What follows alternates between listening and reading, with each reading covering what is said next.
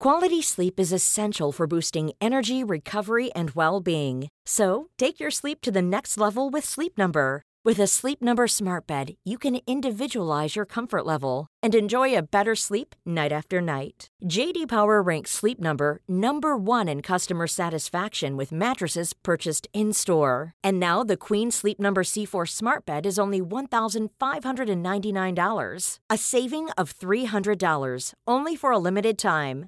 For JD Power 2023 award information, visit jdpower.com/awards. Only at Sleep Number stores or sleepnumber.com.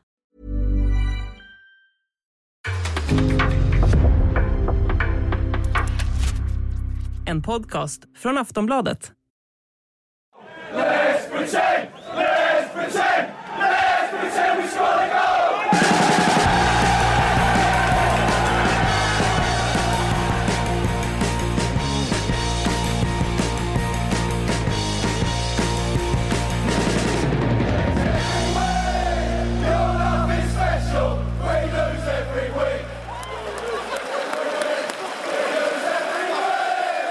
Sportbladets Premier League-podd, säsongen 22-23 är officiellt igång, i alla fall för vår del. Välkomna hit skulle jag säga, eh, men eh, jag sitter ju hemma hos mig själv idag med tanke på att jag fortfarande har semester. Makoto, du finns inne i studion och Frida, du finns som vanligt i London. Eh, jag säger i alla fall välkomna hit, det får bli någon slags metafor för att vi samlas Tack. digitalt här. Vi tackar så mycket virtuellt då i sånt fall. Ja. Vi har en otroligt oviss säsong framför oss. Jag har slitit med mitt tabelltips under de senaste dagarna. Vi ska gå igenom alla lag eh, i bokstavsordning tänkte jag. Eh, för att inte någon ska liksom känna att oh, men nu tar vi bara de här viktiga lagen. Vi kör det i bokstavsordning, det är det, är det mest rättvisa. och så eh, ska vi se vad vi kommer fram till eh, genom att göra det. Vissa har blivit eh, bättre, vissa kanske har blivit sämre. Vi har några frågetecken, vi har några nykomlingar och så vidare. Eh, hur har det gått för er, i ert tabelltipsande så här långt? Uh, ja, nej, men jag eh, ångrade ju mig i samma sekund som jag skickade in mitt till eh, Premier League-bibeln. Det görs ju ganska tidigt på säsongen och de klubbarna som jag hade störst problem med var Chelsea och Arsenal. Och i slutändan så valde jag i det tipset att sätta Chelsea över Arsenal, men nu har jag ångrat mig. Nu, nu vill jag ha Arsenal över Chelsea, men det visar väl också, precis som du är inne på där, hur, hur svårt det är att tippa den här eh, säsongen. Det är så det känns på förhand i alla fall. Det var ju framförallt eh, fyra lag, tycker jag. Arsenal-Chelsea hade jag jätteproblem med själv, men också United, Tottenham, alltså kampen om de där två Champions League-platserna och tänka att det är två av de där lagen som inte kommer att nå sitt mål och ta en Champions League-plats. Det var inte helt lätt att försöka navigera där och det känns som att man har, oavsett vem man lägger på sjätteplatsen, så har man tippat dem för lågt. Ja, men verkligen. Och det, med tanke på att det har hänt så mycket i flera av de här lagen. Det har varit stökigt i Chelsea, annars hade ju eh, de kanske känt som eh, laget redo att ta ett eh, kliv till nu efter en säsong med, eh, med Tuchel. Man kanske har fått eh, lite mer ordning. Lukaku är borta, som jag lite av ett sänke förra säsongen. Eh, å andra sidan så, så har det hänt ganska mycket där. Eh, det har stökats runt, det har försvunnit en del spelare. Det är väldigt oklart egentligen vad eh, som händer med Chelsea. Men vi, vi, vi, vi kommer till dem. Vill, ska, vi, ska vi dra igång hela genomgången av alla lag på en gång? Eller?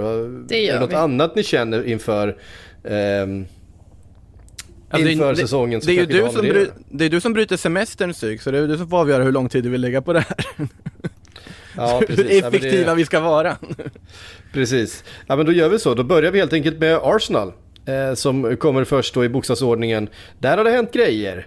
Eh, Arteta har värvat, eh, det har eh, släppts en del spelare. Framför allt skulle jag vilja hävda har Gabriel Jesus köpts in då från Manchester City. Eh, det blir ju oerhört spännande att se vad Arteta kan göra med honom. Det är ju en spelare han känner väldigt väl såklart. Eh, och också en spelartyp som det känns som att Arsenal saknade förra säsongen. Ja, många portugisisk-talande inslag får man ju säga. Det kan ju möjligtvis bli en startelva Många där med... Gabriel. Ja, precis. En Gabriel. Man kan bli en startelva med tre Gabriel där i, eh, ja, i backlinje och eh, i anfallslinje. Vi får väl se om det sker, men det känns ju ganska troligt faktiskt. Men den värvningen som jag ändå hoppade till mest av, eller där jag kände att det här är verkligen en sån spelare som Arsenal kommer få otroligt stor nytta av. Det var ju faktiskt Sinchenko. Och mm. kan tycka att han faktiskt är ganska underskattad. Han har ju varit jättenyttig för Guardiola under alla de här åren och har ju liksom placerats som både central mittfältare men framförallt då som, som vänsterback och, och alltid gjort det gediget. Han var väl lite, det, det blev lite för mycket där i, i Champions League-finalen, vad blir det, mot Chelsea va? Då han, eh, ja, eh, då han, han fick en liten, det var väl Guardiola som hade klurat ut att han skulle ge honom en liten, liten eh, speciell roll i den matchen. Och det, det kanske inte blev sådär jättelyckat men jag tycker att det visar ändå den här värvningen av Sinchenko att Arteta vill ha väldigt flexibla, alltså mångsidiga spelare som han kan använda på många olika positioner. Och i och med Sinchenko nu så har de ju faktiskt fyllt just det här behovet av att de behöver en, en vänsterback då, eftersom Martini är inte helt pålitlig sett till hans skador. Och sen så har man då en spelare som också kan spela som central mittfältare. Så att, och så ja, givetvis då Gabriel Jesus då som är den ja, men absoluta ja, men diamanten eller vad man säger under det här transferfönstret. Så jag tycker ändå att Arsenal har verkligen visat att de har eh, satsat pengar nu, men problemet är väl att de måste, måste få utdelning för det nu också. Man kan inte missa Champions League för, vad blir det, sjunde året i rad. Ja, de har ju haft en tydlighet vi inte har sett i Arsenal på transferfönster på väldigt länge tycker jag med att det verkar verkligen finnas en tanke och någonting bakom varje värvning de gör och det är inte alltid de mest väntade värvningarna. När Fabio Vieira kom in så var det ju ingen som hade väntat sig att han skulle dyka upp från, precis från ingenstans till från Porto då som kommer in och förstärker och breddar offensiva mittfältet. Men också att de är ju inte heller klara än eftersom att man ändå tittar på ett ytteralternativ. Då kanske snarare ett backup-alternativ till de som finns tillgängliga men likväl att man man tittar på marknaden för att se om det finns någonting där. Jag håller med att Arsenal ser väldigt spännande ut och jag håller också helt med om att Sinchenko-värvningen kan visa sig vara ett eh, genidrag sett till kvaliteten han har och de positioner han täcker. Det enda man känner egentligen, alltså med Arsenal och med Arteta framförallt, det är väl det här med att han hade lite problem förra säsongen, eller har haft problem under sin tid där, att, att hitta en sorts plan B. Alltså deras plan A har alltid varit alltså väldigt bra. När den har fungerat fullt ut så har det ju sett fantastiskt ut som, ja, där i, i många matcher mot, mot de större klubbarna också, alltså inklusive då den här matchen mot Man City på, på nyårsdagen. Men så där, där tror jag det är väl det som är nyckeln egentligen. Att, att när det kör fast så måste Arteta hitta ett sätt att komma runt det. Och det har man inte gjort än så länge. Men lyckas han med det också då, då ska ju Arsenal definitivt blanda sig i där bland Champions League-platserna. Ja, det, det ska de definitivt. De skulle ju tagit den där fjärdeplatsen eh, förra säsongen. Eh, den sjabblade man ju faktiskt bort på helt egen hand sista omgångarna. Eh, hade ju en, eh, ganska, ett ganska rejält försprång att, att ta den på den platsen och den positionen. Eh, men de är som sagt, de är inte de enda som har förstärkt inför den här. Vi får se vart det landar. Jag har dem också eh, topp fyra just nu i mitt eh, förhandstips faktiskt. Eh, vi går vidare då till eh, Aston Villa. Tvåa på listan, ett lag som eh, började förstärka redan i vintras rejält. Till och med redan i, i, i höstas får man säga när man tog in Steven Gerrard. Sen har Filipe Coutinho klivit in. Eh, och en hel hög med spelare har värvats, eh, framförallt från Spanien, Makoto. Eh, vi, får, vi har ganska höga förhoppningar på det här Aston Villa. De har ju lagt eh, ribban rätt högt med sin sva, höga svansföring. Fan vad du blandar metaforer som, eh, som ingen annan. Men, men känslan i alla fall att Aston Villa har ganska mycket att bevisa den här säsongen. Alltså... Ja, alltså framförallt har ju Villas ägare lagt ett enormt tryck på, på Steven Gerrard. Alltså han måste ju få till det här nu. Han har ju faktiskt en trupp som ja, men många av hans konkurrenter bara kan drömma om egentligen. Alltså där man ändå kan smälla iväg. Vad var det till slut på Diego Carlos? Det var väl 330 miljoner kronor eller någonting sånt. Alltså det är ändå Något ganska... i den stilen var det. Ja, det är en mm. ganska rejäl summa ändå. Sen var det ju en, en också ett statement det här att eh, Kamara, att han väljer att gå till Aston Villa på fri mm. transfer. Mm. Det, jag tror inte att, det, eller det hade inte hänt för, för x antal år sedan att en, en spelare av hans kaliber kanske hade valt att flytta till Midlands. Så att det visar ju verkligen att Aston Villa är en klubb som aspirerar på att verkligen ta det där klivet nu och ja, det hänger ju på Gerard. Det är lite grann kanske i så om man tänker på Mikael Arteta och de problemen han hade under förra säsongen så i Aston Villas fall så är det kanske mer att man ibland blir lite för förutsägbara. Och vi såg ju att Coutinho som inledde så himla starkt till slut hade motståndarna på något sätt men de hade liksom klurat ut vad som skulle ske när Coutinho var på plan och då var det bara att stänga ner honom. Så att det gäller nog för Gerard att hitta, återigen precis som i Artetas fall, hitta fler sätt att, att vinna på. Men det råder ingen tvekan om att materialet finns där. Och eh, ja, med det kommer ju som sagt förväntningarna också. Alltså, mm. Två svenskar ju... i truppen. Mm. Alltså Aston Villa personifierar ju på något sätt Premier League statusförändring på att man kan handla på hyllor i de andra europeiska ligorna som man inte kunde förut som mittenlag.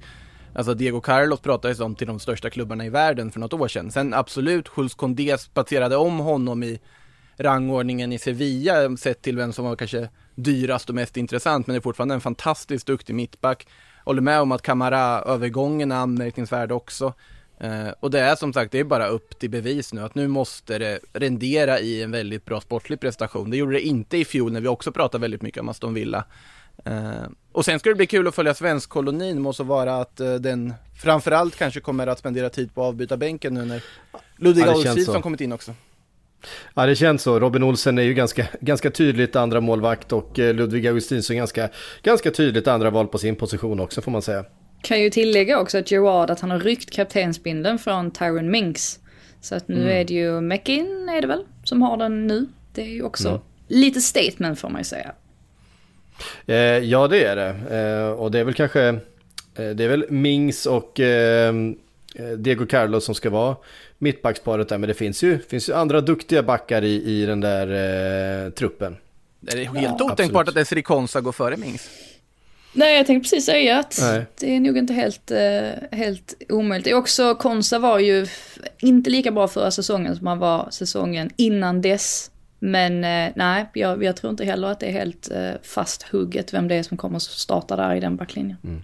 Och peta Tyron Minks, det är, det, det, det, det, är verkligen ett statement från en tränare. För han har varit, han har varit det lagets liksom, eh, ja, ledare. Ja, själ och hjärta på något sätt de senaste säsongerna.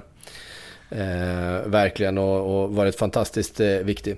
Ja, eh, upp till bevis för Aston Villa efter sina investeringar och sin, eh, ja, sin höga svansföring. Bournemouth, nykomling, tillbaks då, ett sånt där, ett av jojo-lagen vi har vant oss vid, eh, studsar lite fram och tillbaks. Åkte ut med Eddie Howe, han finns nu i eh, Newcastle och nu är man tillbaks med, ja vadå, vad ska man ha för förväntningar på det här Bournemouth egentligen? De eh, spenderade många säsonger i Premier League men undrar jag om det inte blir ett, ett ganska tillfälligt besök den här gången. Ja, alltså nu kom det ju uppgifter här idag var det väl till och med att Scott Parker inte är riktigt nöjd med Bournemouths transferfönster. Så man vet inte hur mycket som hur mycket det gnisslas där egentligen bakom kulisserna. Mm. Och det, anled hela anledningen till att han lämnade Fulham och tog över just Bournemouth, det var ju just för att han ville ha ett, ett bättre material att, att jobba med och tyckte att han fick det där nere på sydkusten. Och sen så hade de ju en liten märklig period där i Championship där de liksom haltade över mållinjen på något sätt. Alltså de, de värvade ju otroligt friskt där under januari och plockade in jättemånga ögonfallande spelare. Eh, bland annat Kiefer Moore och tog mm. väl eh, dessutom in vår eh, gode vän eh, Todd Cantwell där också på, på lån. Så att det var ju, eh, ja det var ju verkligen uppseendeväckande då det fönstret de gjorde där. Men nu vet man alltså inte riktigt hur, hur stämningen är i, i klubben där mellan Parker och, och ledningen. Men ja, alltså han gjorde det ju bra förra säsongen och det var väl egentligen Alltså Lloyd Kelly där som tilldelades kaptensbindeln som var en av de spelarna som verkligen höjde sig under eh, Parker. Och sen så den spelaren som ni gillade att ge er på senast förra säsongen, Dominic Solanke, som ju landade på 29 ligamål och 7 eh, mm. assist. Och där var det ju lite speciellt för att just Eddie Howe, han använde ju gärna Solanke som tia medan Parker då tyckte att, ja alltså att han skulle vara en lite mer, lite renare målskytt och ligga ännu lite längre fram så att det blir väl intressant att se hur de kommer klara sig här men, men jag, jag var nog lite för optimistisk ändå när jag, jag tror att jag tippade att Bournemouth skulle klara sig utav de här tre nykomlingarna nu. Och med tanke på vilket fönster Nottingham Forest har gjort nu de senaste veckorna, som visserligen andas ganska mycket Fulham för x antal år sedan när de också gjorde en liknande, liknande satsning, så är jag inte lika säker nu på att Bournemouth verkligen kommer hänga kvar. Alltså det är ju Nej. lite oroväckande lite de har plockat in egentligen. Sen så här, Solanke är lite han var ju fantastisk i Championship, nu blir det lite mer så här upp till bevis i en Premier League-miljö och det skulle bli väldigt spännande att se. Eh, om man tittar på en annan nykomling så Mitrovic har ju haft lite det problemet tidigare också, att han inte lyckas kasta in mål på skoj som han har gjort i Championship-sammanhang, väl när han varit uppe i Premier League, får se hur det går för Solanke. Ja, ja. Ivan, Ivan Tony är ett annat exempel ju faktiskt på en spelare som var långt ifrån att göra lika många mål i Premier League som han gjorde i Championship. Men med det sagt så lyckades ju ändå Ivan Tony får man ju säga på att han faktiskt var tongivande och nyttig även Absolut. i Premier League-sammanhang. Så att det... Darren Bent var ju en sån en gång i tiden också. eh, nej men tittar man på Bournemouths trupp så är det ju inte speciellt mycket som, eh, som man skulle här och nu klassas som Premier League-klass egentligen. Eh, det ska ju såklart bli intressant att se vad, vad spelare som eh, David Brooks kan göra nu. Han såg ju så otroligt fin ut när han kom fram, åkte på den där tunga skadan, har haft en säsong nu i Championship eh, och då tagit sig tillbaka och se vad han kan göra i den här miljön nu med, med Bournemouth. Men jag, jag, jag har inte jättehög eh, högt förtroende för Scott Parker heller. Även hur trevlig eh, han än verkar vara och en, liksom en bra snubbe på alla sätt och vis så eh, har han inte riktigt bevisat sig på den här nivån för mig än. Eh, vi tar oss vidare från eh, eh Bournemouth till ett eh, lag som gick upp förra säsongen, eh, nämligen Brentford, hängde kvar, har ja, räddades kan man väl lite, lite grann säga av att värva Christian Eriksen i vinterfönstret som eh, kom in och gjorde det fantastiskt bra. Eh, han finns då inte kvar, han har gått till Manchester United. Eh, I Brentford hittar vi ju dock en del andra intressanta spelare och, och ett eh, intressant lag. Jag vet inte, jag får lite mm. så här Leeds-känsla på dem, du vet andra säsongen. Eh, det kommer få krigas på ett annat sätt. Ah, nu fick man ju kriga rätt så rejält i, i eh, våras för att hänga kvar faktiskt. Men eh, den där eh, det där lyckoruset man levde på under ett tag på hösten när, när bollarna liksom studsade in och, och allt gick vägen för Brentford. Den eh, hösten tror jag inte man kommer att ha den här gången. Alltså det är ju några värvningar ändå som de har gjort där som, ja, där man hajar till lite grann. Det är ju dels då Aaron Hickey som de har plockat in för, det var ju ändå en bit över 200 miljoner kronor om jag inte minns helt fel. Skotte då som eh, ja, gjorde en jättefin säsong i Bologna och oftast med utgångspunkt då från vänsterkanten. Och sen så sägs det väl att eh, Damsgaard är klar nu också. Vilket Damsgaard ju också är en sån... På väg in, ja. ja, vilket ju verkar vara en Eh, eller vilket är en jätteintressant eh, värvning. Sen får man väl se om han lyckas, lyckas ersätta Christian Eriksen. Det är ju, det är ju lättare, lättare sagt än gjort. Det är väl ingen egentligen som kan ersätta honom rakt av förstås eftersom att han har sådana oerhörda kvaliteter. Men jag var ju faktiskt i, i Brentford förra veckan blev det ju. Och då hade jag ju liksom levt i den här EM-bubblan under x antal veckor så jag hade inte riktigt hängt med i alla svängar. Och så kliver jag in där i garaget och så står de och har sin eh, photoshoot då inför eh, säsongen. Och så ser jag en kille, en blond kille som står och håller upp sitt tröjnummer. Och så är det Ben Mee. Och jag blev helt förvirrad under två sekunder och bara så här. Men gud, är jag, är jag helt fel nu? Alltså jag, har jag hamnat i Burnley? Är det helt missat den övergången? Jag, jag, jag stod där som ett frågetecken. Eh, I, ja, men det var verkligen helt, jag var helt mållös i ett par sekunder.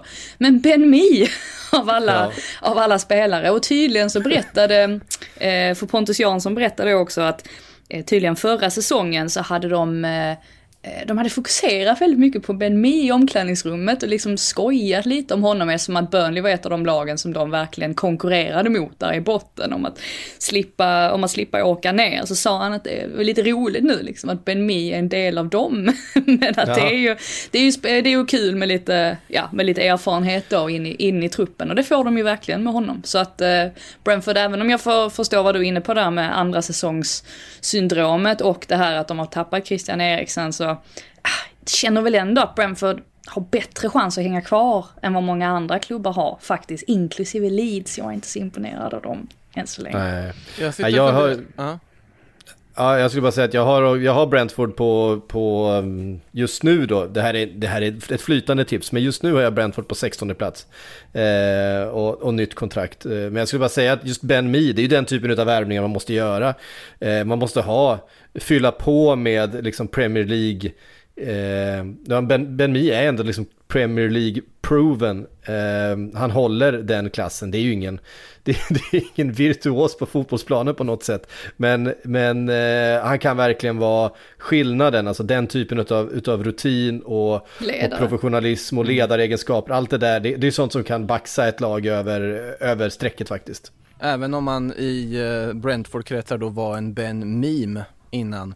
Uh, för ursäkta där. nej. Men alltså det är alltid roligt när man, till att börja med, alltså jag kan tänka mig att det måste varit helt alltså, omvälvande Frida, för jag själv kan bara tänka mig om man skulle hamna i en sån situation utan att veta det så skulle man bli otroligt förvirrad och se Ben Mee stå med en Brentford-tröja utan att Ja, veta bakgrunden jag fattar till det. ingenting. Fattar Eh, ingenting. men, men överlag tänker jag alltså så här, det är också ganska roligt det här just när det är en spelare som kanske varit just lite av en meme eller man har diskuterat i omklädningsrummet tidigare som hamnar i ett lag.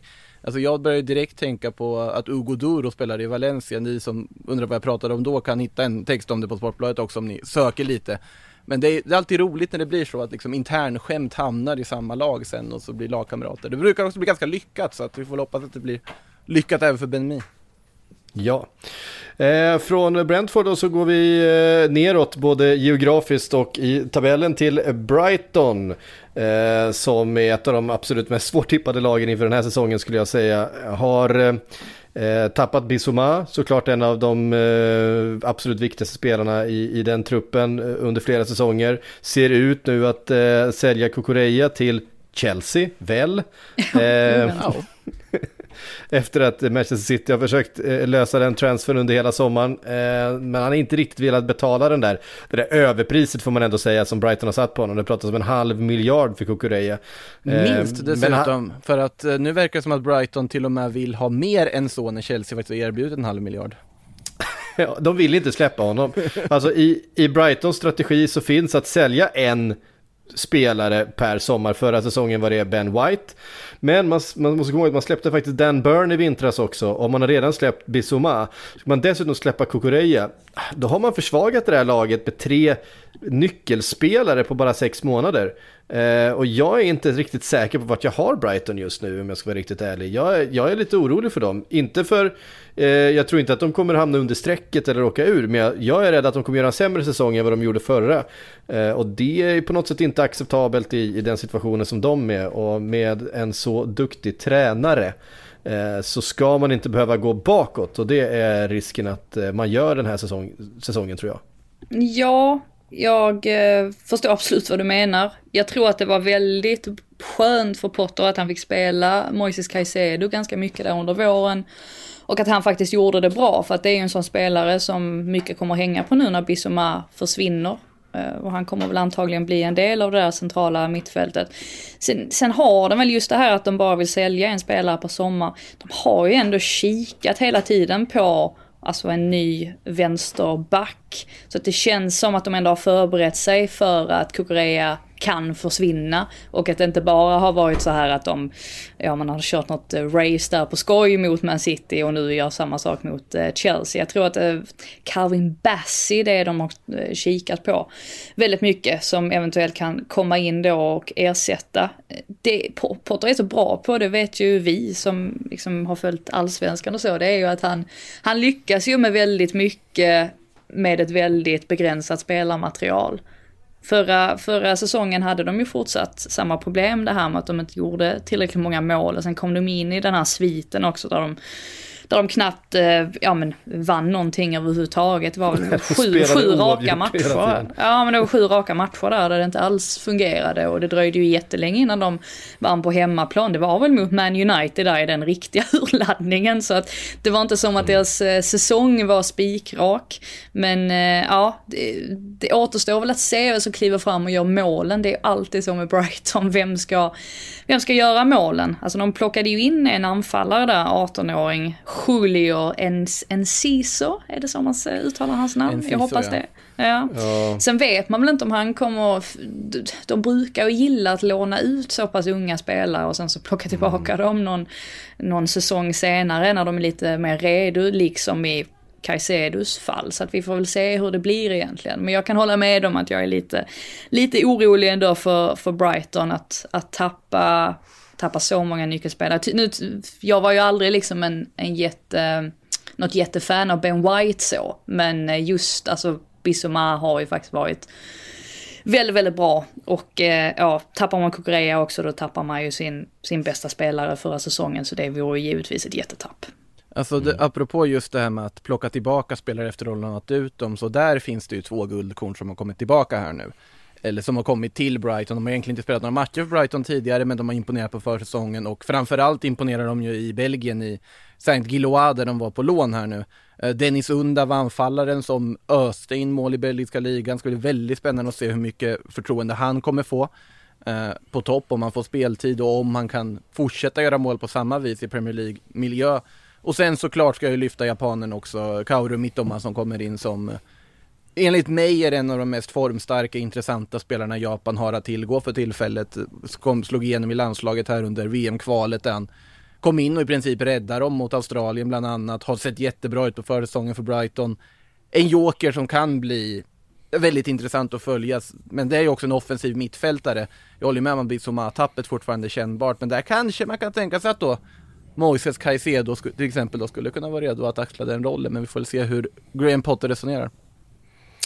Ja, det får vi verkligen. Ehm, från ett svårtippat lag till ett annat. Ehm, Chelsea står på tur och ja, vad ska vi säga om det här? Det har inte varit eh, speciellt muntra miner under sommaren. Ehm, det har eh, gnällts från tränarhåll, det har gnällts från, eh, från supportrar. Vi har en Todd Bowley som numera äger och styr klubben på, på helt egen hand.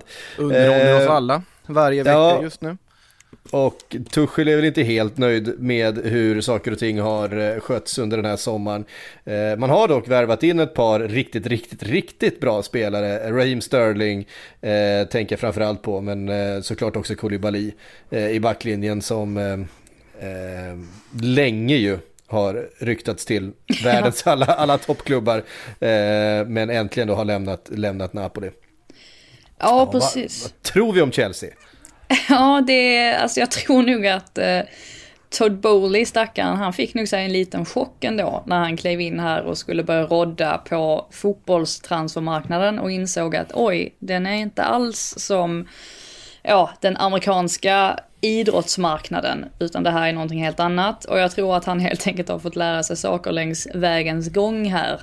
Och eh, att det eh, säkert är därför det har blivit som det har blivit, att ibland har man tagit lite naiva beslut, ibland har man kanske halkat efter lite i Ja men i diverse övergångsdiskussioner och sådär. Och det är det som har gjort att man, eh, ja, att man helt enkelt inte har varit på tårna alla gånger. Men samtidigt så när man tittar på den här truppen att han släpper Romelu Lukaku är väldigt intressant för att det tror jag inte att han hade gjort om om det här var Abramovic-eran så tror jag att Lukaku hade varit kvar för att på något sätt under Abramovic-era så var på något sätt spelarna alltid mer värda än managern. Men nu är det väldigt tydligt att Bowley ändå har lyssnat väldigt mycket på Tuchel och diskuterat väldigt mycket med honom innan de liksom har plockat in spelare. Eller i alla fall den, det intryck man har fått att Tuchel har haft mer makt nu än vad många andra Chelsea-managers har haft under Abramovic era. Och det är ju lite intressant ändå, den, den övergången på, på något sätt. Så att, att man släpper Lukaku, det, det blev ju ganska prestigelöst eftersom att det inte var Bowley som var inblandad i det. Annars är ju det ett, ett väldigt stort fiasko givetvis för Chelsea som, som klubb. Men ja, alltså överlag då truppen, ja man får in Koulibaly, visst man, man släpper Rydiger och det är ju ett tapp i sig. Men man får ändå in mm. Koulibaly vilket gör att det känns inte lika hårt ändå på något sätt. Och sen så får man in Raheem Sterling som jag tycker det är en uppgradering sett till Lukaku och hur han presterade förra säsongen. Så att, och plus att. Chilwell Mm. kommer ju nästan bli som en ny värvning egentligen, eftersom att han missade en sån stor del av förra säsongen. Och Reece James får förhoppningsvis vara skadefri. Så att det finns ändå väldigt mycket att ta av där i Chelsea och Tuchel är ju fortfarande en av de absolut främsta tränarna i världen. Så att är det någon som ska få ordning på det så är det väl han. Men sen vet man ju inte då. Jag, där det känns osäkert för mig, det är ju just Bowley och hela relationen här till, till Tuchel. Så länge den hålls intakt så, så tror jag ändå att de kommer att prestera på en högre nivå än vad många kanske tror. Men jag tror också att det kan sätta käppar i hjulet för deras sportsliga insatser. Men ja, vi får väl se. Får vi se också vad till exempel en spelare som Conor Gallagher kan göra i Chelsea den här säsongen då. Var ju fantastisk i Crystal Palace förra, förra säsongen. Eh, Så länge han inte slår straffar så... Ja, kan den var inte nog- bra nej. den var inte bra. så Jösses. har han ju väldigt spänn- så är han ju en väldigt spännande spelare och eh, det känns som att det finns plats för honom i, i eh, det här Chelsea-laget också. Beror väl Mm. på om Frenkie de Jong dyker upp eller inte också. Ja, Alltså- det finns ju sådana rykten dessutom. Vi ska väl slänga in Kukureya i det här eh, vad det lider också. Men det ska, känns ska väl Kukureya mer, då, eh, om, om Chilwell är tillbaka, då är, ju, är det väl ganska sannolikt att man också ser Kukureya som ett alternativ som vänsterback i en trebackslinje.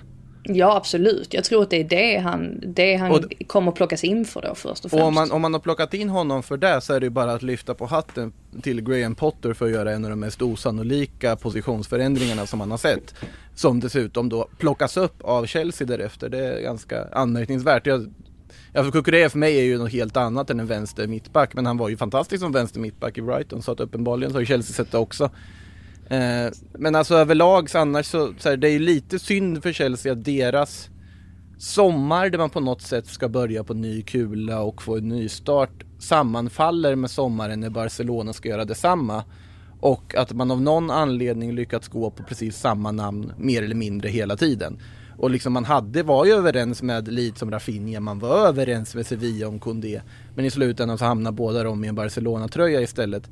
Så att man har ju haft ganska mycket oflyt också på marknaden på så vis att du har ju ändå försökt gå för de spelare man vill ha men att det har av olika anledningar då, framförallt kanske oftast av Barcelona-relaterade anledningar, inte renderat i någonting. Och nu sitter man här i ett läge där de sannolikt kommer att agera en hel del efter att säsongen har dragit igång då innan fönstret stänger. Bara addera också att de ju faktiskt, Chelsea faktiskt har plockat in eh, Kani Chukwum- Chukwuemeka, är det väl man säger, 18-åringen från, eh, från Aston Villa. Det är faktiskt en, ja, det är faktiskt en ganska statement-värvning ändå. Att, eh, ja, att, att de säkrar honom. Han begärde en, en väldigt hög lön tydligen men fick ett sexårskontrakt också. Så att där har man lite att bygga på inför framtiden. Det här måste ha skett jättenyligen eller? Jag vet inte om det är helt klart men det är, det är i alla fall, det är i alla fall eh, ja, det mesta pekar mot att det kommer bli så i alla fall. Han har ju nobbat ett kontrakt i alla fall från Villa tidigare. Mm, ja. Alltså Chelsea kommer vara med där uppe, det, det råder ju ingen tvekan om. Just nu har jag dem på femte plats men eh, fan det där Samma kommer här. att ändra. Alltså det, det, det får man ju äta upp så är de ju med. Så, ja, det, det, det, kan bli precis vad som helst med Chelsea i, i känslan. Men just nu, eh, det är också att det har varit lite stökigt under sommaren och inte helt eh, muntra miner på alla håll. Tuchel har ju varit ganska missnöjd. Ehm, som gör att man tvekar lite grann. Men vi tar oss från Chelsea till Crystal Palace. Ett lag som jag tror på mycket inför den här säsongen. Inte så att de ska eh, blanda blandas in topp 6 kanske. Men de kommer definitivt finnas med bland lagen precis där utanför. Ja, säger du och lämnar över ordet. Och då ska vi argumentera för varför du tror det. Ja, då får, ni, då får ni bara hålla med mig här. Ja, nej men det, ja men absolut. Det, de har ju gjort någon värvning där ju som ändå känns ganska spännande. Sheikh Ducoré bland annat. Han mm. kom ju från ganska, ganska stor prislapp han också. Det var väl nu, känns som jag har sagt, eh, runt 200 miljoner kronor till typ alla spelare. Fast det har ju också stämt väl- på alla du har sagt det på hittills. det har det kanske, men vad skönt. Det bara känns som att det har varit många prislappar kring den, eh, kring den summan.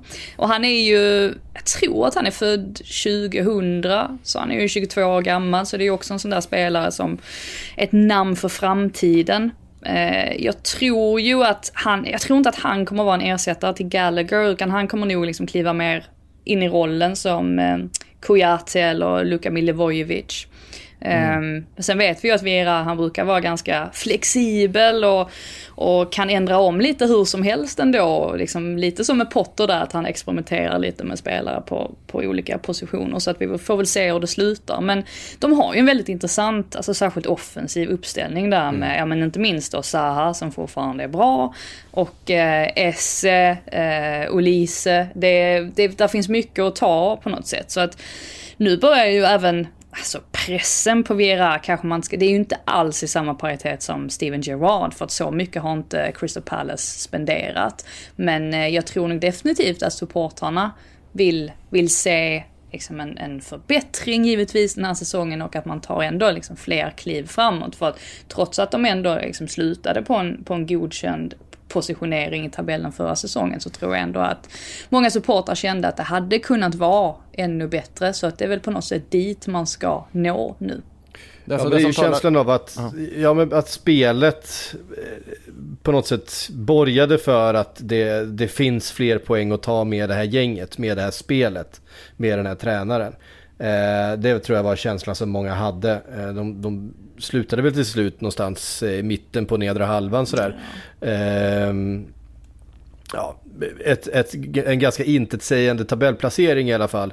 Ehm, men man såg ju på spelet och man såg ju på flera av spelarna i, i det laget att det, det fanns, eh, det fanns någonting väldigt, väldigt spännande på gång. Mm. Och de hade äh, roligare än under Roy Hodgson får man ju säga. De, de ja, var ju ganska trötta på det pragmatiska spelsättet också. Men de har ju en tydlig idé nu med vad de värvar också till skillnad från tidigare. Vi såg den förra sommaren när man plockade in bland annat Esse och, eh, och Marco Eri som kom in och var alldeles, alldeles strålande. Nu det är ju bara yngre spelare, Ducoré nämnde du Frida, Ebioway, unga 18-åringen som kommit in i offensiven, Chris Richards som har kommit in, amerikanen. Eh, de har ju tyd tagit en tydlig approach på att värva ungt och lovande som kan växa i värde och ha ett mycket mer spelande, spännande lag. Så jag tycker att de har något väldigt, väldigt sunt och intressant på gång. A lot can happen in the next three years. Like a chatbot maybe your new best friend. But what won't change? Needing health insurance. United Healthcare Tri Term Medical Plans are available for these changing times. Underwritten by Golden Rule Insurance Company, they offer budget friendly, flexible coverage for people who are in between jobs or missed open enrollment. The plans last nearly three years in some states, with access to a nationwide network of doctors and hospitals. So, for whatever tomorrow brings, United Healthcare Tri Term Medical Plans may be for you. Learn more at uh1.com. Ja, och från en eh, före detta mittfältare som leder ett eh, lag i mitten till en annan i eh, Frank Lampards Everton. Mm. Hade ju en mardrömssäsong förra säsongen, var ju eh, faktiskt ganska nära att åka ut. Även om man redde, redde, redde upp det med ett par matcher kvar av säsongen. Eh, egentligen otroligt dystert det mesta runt Everton under, under förra säsongen med eh, ägare som inte riktigt visste vad de gjorde, med hela Benitez-soppan, med spelare som försvann. Eh, man värvade lite grann i vintras, eh, ingen riktig fullträff där. Eh, nu försöker man väl göra sig av med Dele Alli igen. Eh, som man plockade in då, stackars Dele Alli, han, ja, han får, inte plats någonstans. Han får ju sluta spela fotboll. Alltså jag men är det inte lite den känslan man sitter med nu att Dele Alli är nog inte han vill nog inte fortsätta på något sätt. Alltså för det känns ju som att han har tappat all form av kärlek till fotbollen överhuvudtaget. Ja. Sen gjorde han ja. väl i och för sig mål där, han följde väl upp den här otroliga missen under USA-turnén med att ändå göra mål med typ Blackpool, som väl var den första matchen de vann under försäsongen. Så mm. att helt, helt eh, deppigt är det kanske inte, men eh, nej, han har ju väldigt mycket att bevisa i alla fall. Ja, och där finns såklart spelare som Allan, det finns spelare som André Gomes och Demarai Gray och eh, Calvert Lewin och framförallt kanske Anthony Gordon. Eh, som var det enda ljuset i mörkret under eh, förra säsongen. Så de har värvat in Dwight McNeil som jag gillar väldigt mycket. Det är en, mm. eh, det, det, är en riktigt bra spelare. Om Men är det inte ärlig. lite för mycket samma spelartyp som, jag vet du var inne på det i Sillypodden också, att det är ju en en yngre, lyxigare version av Andros Townsend. Så är Vem, det Dwight McNeil? Ja. Ah, jag tycker att han är, jag, jag tror han att han har framtiden för sig. Han är, han är ju han ja, alltså, är mer teknisk, yngre, han skapar yngre och lyxigare på så ja. vis att han är bättre, han är yngre, har mycket mer potential. Men det är samtidigt en spelartyp som de på något sätt ändå har. Om, om ni förstår vad jag menar. Men samtidigt absolut, han kostar en slant. Där pratar vi också mm. ungefär 200 miljoner. Men eh, jag är inte alltså jag är ganska orolig för Everton om jag ska vara ärlig. Alltså, alltså jag, är ju, jag är mer orolig, alltså sett till att Frank Lampard är manager. Jag är inte riktigt säker på att han Nej. är up for det här. Mm. Nej, eh, och det är väl i så fall, det, det är ju jättebra att man har behållit Gordon och så, för att han ryktades ju ändå till Tottenham främst väl. Och att han blir kvar indikerar ju ändå att man förstår att ja men att man måste behålla en, en, spelare som har ändå det typen av klubbhjärtat och den typen av liksom, ljusa framtid som han har. Mm. Å andra sidan så har man tappat sin bästa spelare, Richarlison. Hur ersätter man honom? Ja, det är inte helt enkelt. Man måste börja kräva mer av Dominic Calvert-Lewin, definitivt. Mm. Han kom, har ju inte alls kommit upp i den nivån efter sin skada där som han var på innan, innan dess. Så att nej, jag, jag håller med om att jag tycker också att Everton är ett ja, man vet inte riktigt var de står någonstans. Så att det kan möjligtvis bli så att det blir ännu en säsong där man liksom harvar i, i nedre delen av tabellen och sen så kanske Lampard försvinner till slut och så måste man plocka in en ny. Jag kan, jag kan se ett sånt scenario framför mig. Det, det kan jag verkligen. Det värsta är att jag tycker att, jag får känslan av att de har halkat in i en sån här Sunderland-spiral här. Mm. Eh, de kommer öppna svagt, de kommer sparka Frank Lampard någon gång i höst-vinter. Det kommer in en ny, de kommer spendera en massa pengar i, i januarifönstret som man egentligen inte har. För vi vet att Evertons ekonomi är väldigt pressad. Ehm, och det kommer inte bli bättre för att det, det finns så mycket runt liksom, trupp och klubb. Eh, och framförallt i, i eh, ägar boxen eh, som inte stämmer, som inte är bra för den här klubben. Eh, och den här spiralen, eh, man kanske klamrar sig fast en säsong till men då sitter man i en ännu mer prekär ekonomisk situation med ytterligare en tränare som kanske är missnöjd som inte får det han vill ha nästa sommar eh, och, så, och så vidare och till slut så när det brakar ihop, ja, men då brakar det ihop ordentligt. Eh, och det, jag vet inte, det, jag får känslan av att Everton är på väg in i den där Sunderland-spiralen och det vore otroligt olyckligt. Bra att få in James Tarkovsky dock, där. får man ju säga. Mm. För att jag menar, deras backlinje, det var ju inte som att man satt, man, man sitter inte i lugn när Michael Keane har bollen. Nej. Lite så. Eh, så att det var bra att få in en, en mittback som i alla fall är, är stabil. Och han har ju, Tarkovsky har ju ryktats till Everton ja men det är ju hur många år som helst känns det som. Ja, han har i alla fall ryktats bort från eh, Burnley. Så till slut, till slut lämnade han. Så att det blir ju intressant att se om han kan göra, om han kan lyfta den backlinjen. Vi får Trodde vi om Michael, Michael Keane han kom också. Ja, det var lite, jag skulle vara inne på att vi hoppas att det inte går som det gjorde för Michael Keane får man väl säga. Men det känns som att Tarkovsky har ju, alltså det är en bättre mittback så att jag tycker också, och på fri transfer, det, de behövde den värvningen. Ja, det behövde de. Eh, från Everton då till en av nykomlingarna, ett lag som vi såklart är rätt bekanta med i Premier League-sammanhang, Fulham. Ett av jojo-lagen som nu är uppe i, igen efter en helt eh, fantastisk säsong då med eh, framförallt eh, Mitrovic. Eh, helt extrema målform under eh, säsongen 21-22. Frågan är fall Fulham kan fortsätta på den inslagna vägen. Ehm, har ju en fantastisk tränare såklart. Eh, ja. I, Honom gillar du ja. ja. Eh, så är det. Eh, men det, det, är klart att Fulham har eh, stora förhoppningar tror jag inför den här säsongen. Men har samtidigt tappat en nyckelspelare i Carvalho. Deras supertalang där som var så fantastiskt bra under förra säsongen. Men man har kvar Mitrovic, man har fyllt på med lite grann, man har inte riktigt gått i samma fälla som man gjorde förra gången man var uppe då och skulle värva precis allt och eh, ingenting fungerade. Eh, tycker fortfarande att eh, nej men, eh, spelare som eh, Harry Wilson till exempel eh, är jätte, jättebra och kommer vara otroligt nyttiga eh, för, nyttig för dem. Framförallt då i, i kombination med eh, Mitrovic för att, för att om det ska funka, om det verkligen ska funka i Premier League, då måste de ju ha en Mitrovic som fortsätter vara lika bra som han var i Championship. Eh, det känns som att väldigt mycket hänger på det. Ja, och sen har väl, de har ju också lagt mycket pengar på Palinja där nu säger jag 200 miljoner kronor igen, men jag tror att det var 200 miljoner kronor han kostade. Å, återigen stämmer det. Det är många som lägger de. Ja, precis. Defensiv mittfältare då från Sporting.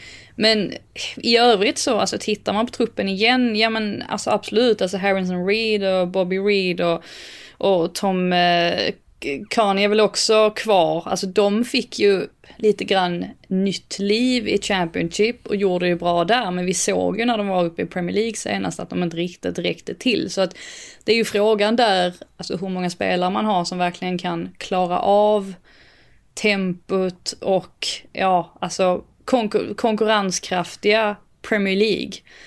Det, ja, de, eh, det kommer ju inte bli lätt, det tror inte jag i alla fall. Sen Nej. så, det som är så intressant också det är att deras spelstil i Championship, då dominerar de, de ju matcher på ett sätt som, ja men Man City gör bollinnehavsmässigt mot väldigt många lag i Premier League. Men liksom kommer den fungera i, i Premier League nu? Alltså det man har ju svårt att se det ändå. Alltså jag tror att de måste hitta ett annat sätt att vinna på än att slå så många passningar som möjligt under matchens gång. Och det kanske inte blir helt enkelt heller att, att anpassa sig på det viset. Men ja, det är väl upp till bevis för eh, Marcus Silva där. De har gjort lite sådana här eh, Fulham förra gången värvningar också. Alltså Andreas Pereira in, gamla United-bekantingen, har varit helt okej okay i Flamengo. Ska ersätta Carvalho där på mitten. Eh, men Kevin Mbabu från Wolfsburg känns som en sån här typisk värvning som Fulham skulle kunna ha gjort när de var uppe senast för två år sedan. Eh, klassisk Fulham-värvning på något sätt. Och så Bernt Leno som kom in nu också och ska vara första målvakt där från Arsenal. Just det. Eh, Just det. Precis, det var ganska, det, eller oväntat, det kändes ju väntat sett till att Bernt Leno vill ha speltid. Men det är absolut, det är ju verkligen en, mm. en uppgradering får man ju säga. Mm. Um, från Fulham då till Leeds. Eh, Leeds som eh, kliver in i sin tredje säsong då, eh, Premier League sen man avancerade. Har tappat sin såklart, eller sina två bästa spelare får man ändå säga. I Rafinha och nu tappar Cal Calvin Phillips. Calvin Phillips såklart. Ehm, och det blir tufft tror jag för Leeds den här gången. Det blir nog inte det blir nog på något sätt tredje gången gilt eh, för dem. Jag, jag, jag har dem just nu på nedflyttningsplats. Jag tror helt tvärtom. Uh, jag, jag älskar hur de har ersatt sina stjärnor, måste jag säga på förhand. Uh, alltså, Lu Luis Sinisterra, otroligt spännande spelare som jag ser potentialen att han, han kanske inte kommer vara lika bra som Rafinha i poäng, poängkontot, men en spelare som kommer vara sevärd, en spelare som kommer göra nytta för Leeds och som ska bli otroligt spännande att se i en större liga. Eh, Mark Rocca från Bayern München, de, de, eller de ersätter egentligen Calvin Phillips, alltså mångsidighet med två spelare. Att man tar in Tyler mm. Adams från Leipzig, du tar in Mark Rocca från Bayern München och Mark Rocca är en sån spelare som en La Liga-vurmare som undertecknad var ganska ledsen för att det inte gick så bra i Bayern München, att han inte fick speltid och så vidare. Men här nu i Leeds, om han hittar tillbaka till sin Espanyol-form, ja då är det ju ett av eh, sommarens allra största fynd skulle jag säga. Eh, otroligt fin, sitt, djupt sittande, mittfältare som eh, jag tror kommer bli väldigt nyttig för dem. Så jag, jag älskar det de har gjort under sommaren och tycker det faktiskt är ganska spännande ut måste jag säga. Alltså det som får mig att tvivla det är att man har hört en del rykten i eh, mm. branschen här om just Jesse Marsh och att många spelare tycker att han är fullkomligt urusel som, som tränare. Och då börjar jag känna så här, ah, om det börjar låta så för några, då vet jag att vi snabbt kan få till en Man United situation här, där eh, omklädningsrum blir splittrade och så vidare.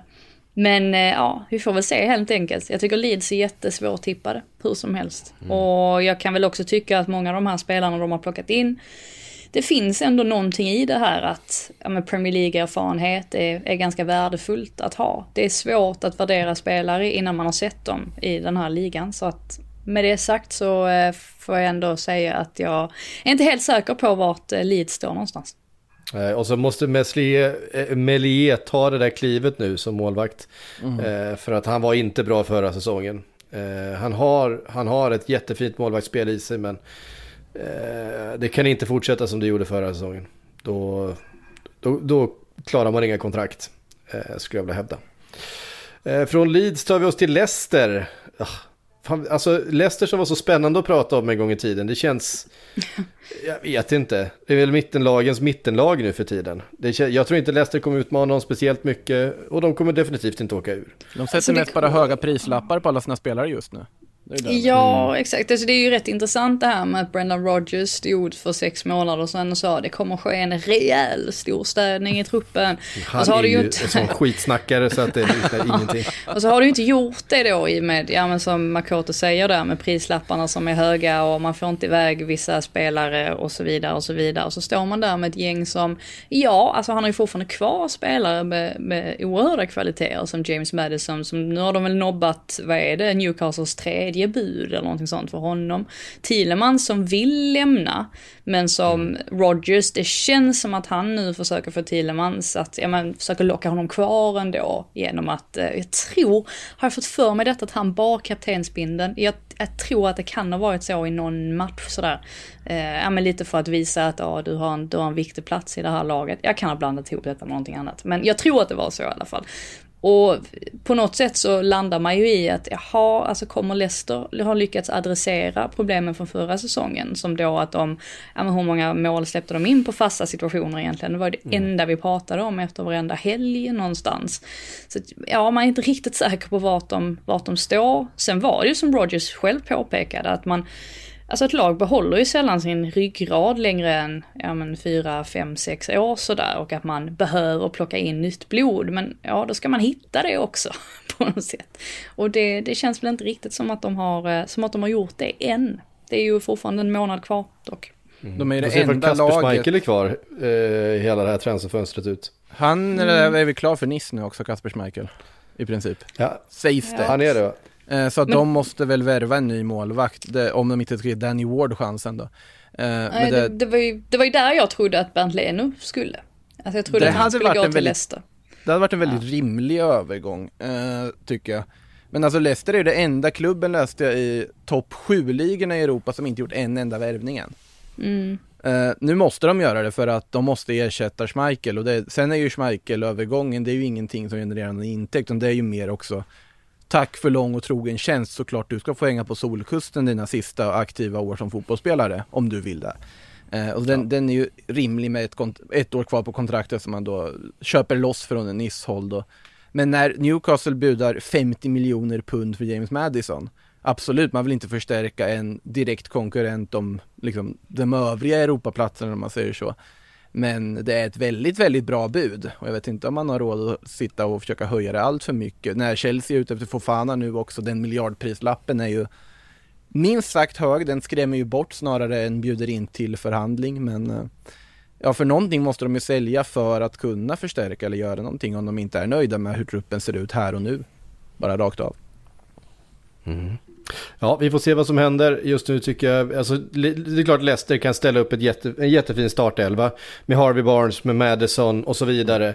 Eh, Ndidi tycker jag också är, är, är bra, men eh, jag, det gick sådär förra säsongen och jag tror det kommer gå sådär den här säsongen. Det, de slutar typ 12 eh, Oj! Från, från Ja, jag är så trött på Leicester. Ja, men jag har det eh, någonstans där också i tabellen tror jag. Det är mitt tips, om jag minns det rätt. Det är bra att jag minns mitt tips när jag går in i studion. Från eh, Leicester till Liverpool eh, som var snubblande nära men det nådde inte hela vägen varken i ligan eller Champions League då förra säsongen. Eh, frågan är ifall man kan göra en ny satsning den här. Eh, ut har Sadio Mané på något sätt en av symbolspelarna för hela eh, den här Jürgen Klopp-tiden såklart. Eh, gott, han har dragit till eh, Bayern München och redan börjat eh, göra mål där vad vi har sett. In har istället Darwin Nunez kommit som också har gjort mål eh, sedan han kom in. Det, han hade ett par trevande eh, träningsmatcher i början men sen lossnade mot, eh, mot Leipzig med fyra mål på 30 minuter i den träningsmatchen och sen så fick han ju då avgöra eh, Community Shield mot eh, Manchester City här förra helgen. Eh, man har dessutom plockat in eh, Carvalho från eh, Fulham, deras supertonåring. Jag tror att han kommer få en del förtroende faktiskt, sen om det blir lite senare fram i, under säsongen, eller om det blir nu direkt, det låter jag väl vara osagt, men han har fått en del speltid under försäsongen här och ser riktigt, riktigt spännande ut. Och, jag vet inte, jag, Liverpool, Liverpool är ju bra. Det enda, som, det, enda, det, ja. det enda som hindrar dem från att vinna den där ligan det är ju att Manchester City är lite, lite bättre. Det är, ja. det är så det brukar vara. Ja men exakt, man kan liksom inte göra en, det räcker inte att göra en perfekt ligasäsong. Den måste vara på något sätt ultra perfekt om man ska vinna titeln nu ja. för tiden. Men jag tyckte ju ändå att Community Shield-finalen var för först och främst alltså en väldigt underhållande match. Man fick väl känslan där och då att oh, det är inte mycket som har hänt ändå. Det kommer nog vara Liverpool och Man City som gör upp om det här i, i slutändan, precis som, precis som förra året. Och mm. eh, det man kan ta med sig är väl att, alltså liksom i Pep Guardiolas fall med Erling Haaland och att man har fått in en, en ny typ av striker, det är ju att man ska försöka hitta de här relationerna med Nunez då. Och det, precis som du är inne på det, det märktes ju också hur mycket det betydde för honom att göra det där målet. Alltså han har nog inte haft det lätt ändå, de här de här senaste månaderna och den pressen det ändå innebär att försöka ersätta Sadio Mané. Det är inte, mm. det är inte jätteenkelt, men jag tror att i den miljön som Liverpool ändå är så kommer han få växa på något sätt i lugn och ro. Och jag tycker inte man kan se att Liverpool är försvagat på något sätt, även om vi säkert kommer märka av tappet om man är alltså lite längre fram, möjligtvis. Men just nu tycker jag ändå det känns som att de är precis lika starka som de var förra säsongen. Och eh, ja, om det, det då blir så att Man City, ja kanske inte, relationerna kanske inte klickar direkt där i, i deras offensiv så ja, jag tror absolut att Liverpool har alla chanser att, eh, att vinna titeln den här säsongen. Nej, det ser ju, mm. alltså Liverpool kommer ju vara med och slåss ja. Topp två även i år, även om man har försvunnit. Det känns som att det var ju vissa som var tveksamma när Darwin Nunez missade lite läge i början av försäsongen, men de har ju fått äta upp det ganska fort.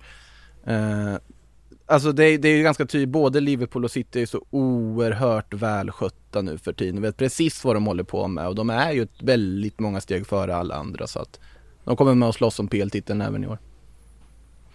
Det eh, tror jag de flesta eh, skriver under på. Från eh, Liverpool då till Manchester City eh, som eh, rent eh, i bokstavsordning eh, ligger bredvid varandra i tabellen och där kommer de väl stanna eh, gissar vi under eh, hela den här säsongen. Manchester City har släppt lite spelare men man har också fyllt på med framförallt såklart Erling Braut Haaland.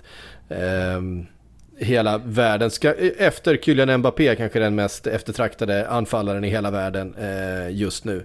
Eh, har väl eh, inte riktigt eh, kommit in i det än, men det har ju bara varit försäsong och eh, de har inte haft så mycket tid med varandra heller. Manchester City har spelat otroligt lite eh, försäsongsfotboll faktiskt. Eh, man hade också värvat eh, Calvin Phillips eh, och är det någonting mer? Är det något jag glömmer nu? Ja, ja, du glömmer den Julian, viktigaste. Julian Alvarez eh, har de också plockat in då, eh, argentinaren som eh, ja, jag tror också enormt mycket på. Den, just, han kommer in så perfekt för han får ju då smyga in under Hålands eh, radar lite grann. Men är ju en, en helt färdig eh, toppspelare. Eh, proven quality. Eh, även om det är inte så många i England som kanske har koll på honom. Mm, nej, jag tyckte ju att det var väldigt intressant där just i Community Shield-finalen. För att man såg där under första halvleken att satt och tänkte varför hamnade Bröne så långt fram hela tiden och helt ensam? Men det var ju på något sätt för att nu märker man att Guardiola försöker hitta ett sätt att integrera Haaland i den här startelvan och då blev det på något sätt att Haaland och eh, De Bruyne skulle på något sätt ligga som en tvåa längst fram, vilket gjorde att De Bruyne hela tiden kom liksom löpande rätt själv där framme. Eh, och tyckte väl inte att det fungerade jättebra. Det fungerade egentligen som bäst när Riyad Mahrez, när han också kom in lite grann centralt så att han på något sätt överbelastade där. Eh, då kunde han liksom hitta fram med bollar till De Bruyne, men det där är någonting de måste slipa på för att sen när Alvarez, när han kom in i i, eh, i andra halvlek så märkte man ju direkt att det här är en helt annan typ av spelare. Nu tog ju han liksom platsen, alltså Mares plats, men han är ju så himla han är ju så dynamisk och han, han sökte ju verkligen bollen. Jag tyckte verkligen att han kom in med otroligt mycket energi. Så att jag är, eh, nej, jag, precis som du är inne på psyk, jag eh, tycker också att det ska bli väldigt spännande att följa hans utveckling. Och det är ganska häftigt hur men City alltid lyckas ersätta de här spelarna. Alltså just det här med att, alltså här, här släpper de, ja men om det så är Ferran Torres eh, helt lättvindigt eller Jesus till, till en konkurrent ju som Arsenal ändå är och Raheem Sterling till, till Chelsea men det spelar liksom ingen roll på något sätt. Alltså de kör sitt eget race, de har fått in Håland och de vet vilken otrolig guldklimp det är och nu ska man bara se till då, eller Pep Guardiola ska se till att han ska hitta balansen då i den här eh, anfallslinjen. Och när han väl gör det, ja då kommer vi verkligen få, eh, få se på hög, högklassiga anfall. Jag vet att eh, jag och Frida i alla fall har Manchester City etta i våra tips som vi har lämnat in och alla andra som bidrog till Premier League-bibeln här också. Som finns i butik och köpt om ni har gjort det än. Har Psyk också det? Eh, det har jag faktiskt.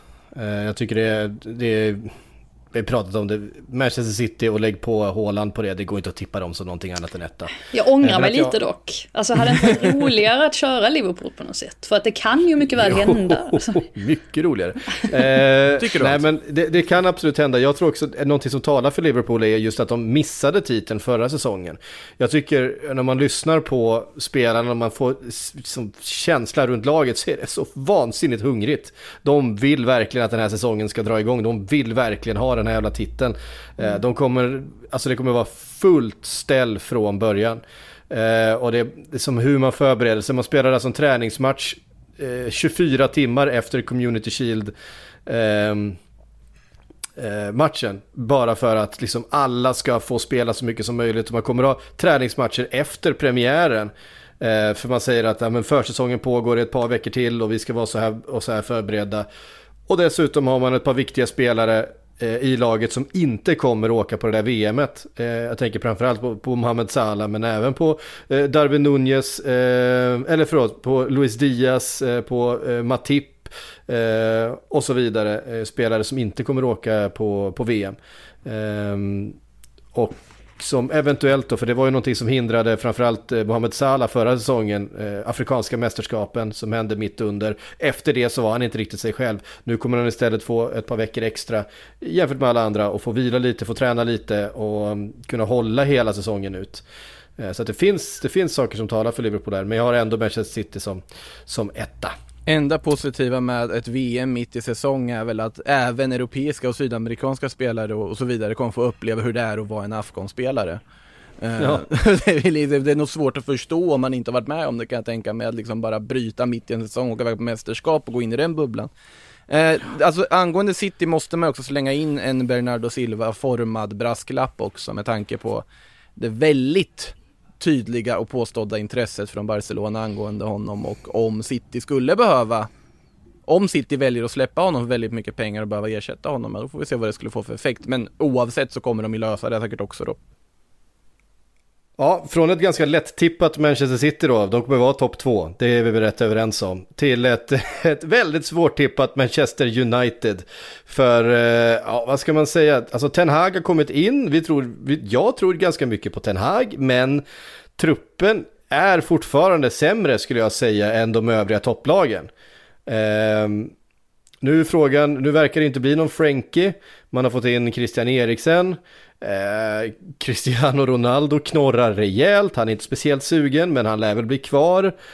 Ja, vad ska vi säga om Manchester United egentligen? Vad, vad ska vi ha för förväntningar och förhoppningar på dem? Sett ganska bra ut på försäsongen får man säga. Ja, alltså först och främst så känner man väl att den här situationen med Cristiano Ronaldo, den var ju inte oväntad va? Det var inte som att man, eh, man höjde inte sådär jättemycket på ögonbrynet när det började komma fram då att han kanske ville lämna och jag vet inte, jag bara hade det på känn att det skulle bli så. Och nu verkar det ju som att det inte finns någon klubb som kan ta honom och eh, jag såg ju Ten Hags, eh, han har ju faktiskt inte gjort intervjuer efter försäsongsmatcherna med vanlig media utan bara med så att säga in in-house media då. Alltså enbart Uniteds egna kanaler. Vilket gör att man har inte riktigt fått svar på någonting kring Ronaldo för att de har blivit ombedda att inte ställa frågor om det. Vilket ju är anmärkningsvärt i sig. Men nu när han fick frågor från eh, holländska via Play då sa han ju vad han tyckte verkligen. Och det var ju att det är inte okej okay att lämna mitt under en match som då Cristiano Ronaldo gjorde i mötet med Rayo Vallecano var det va, de mm. mötte.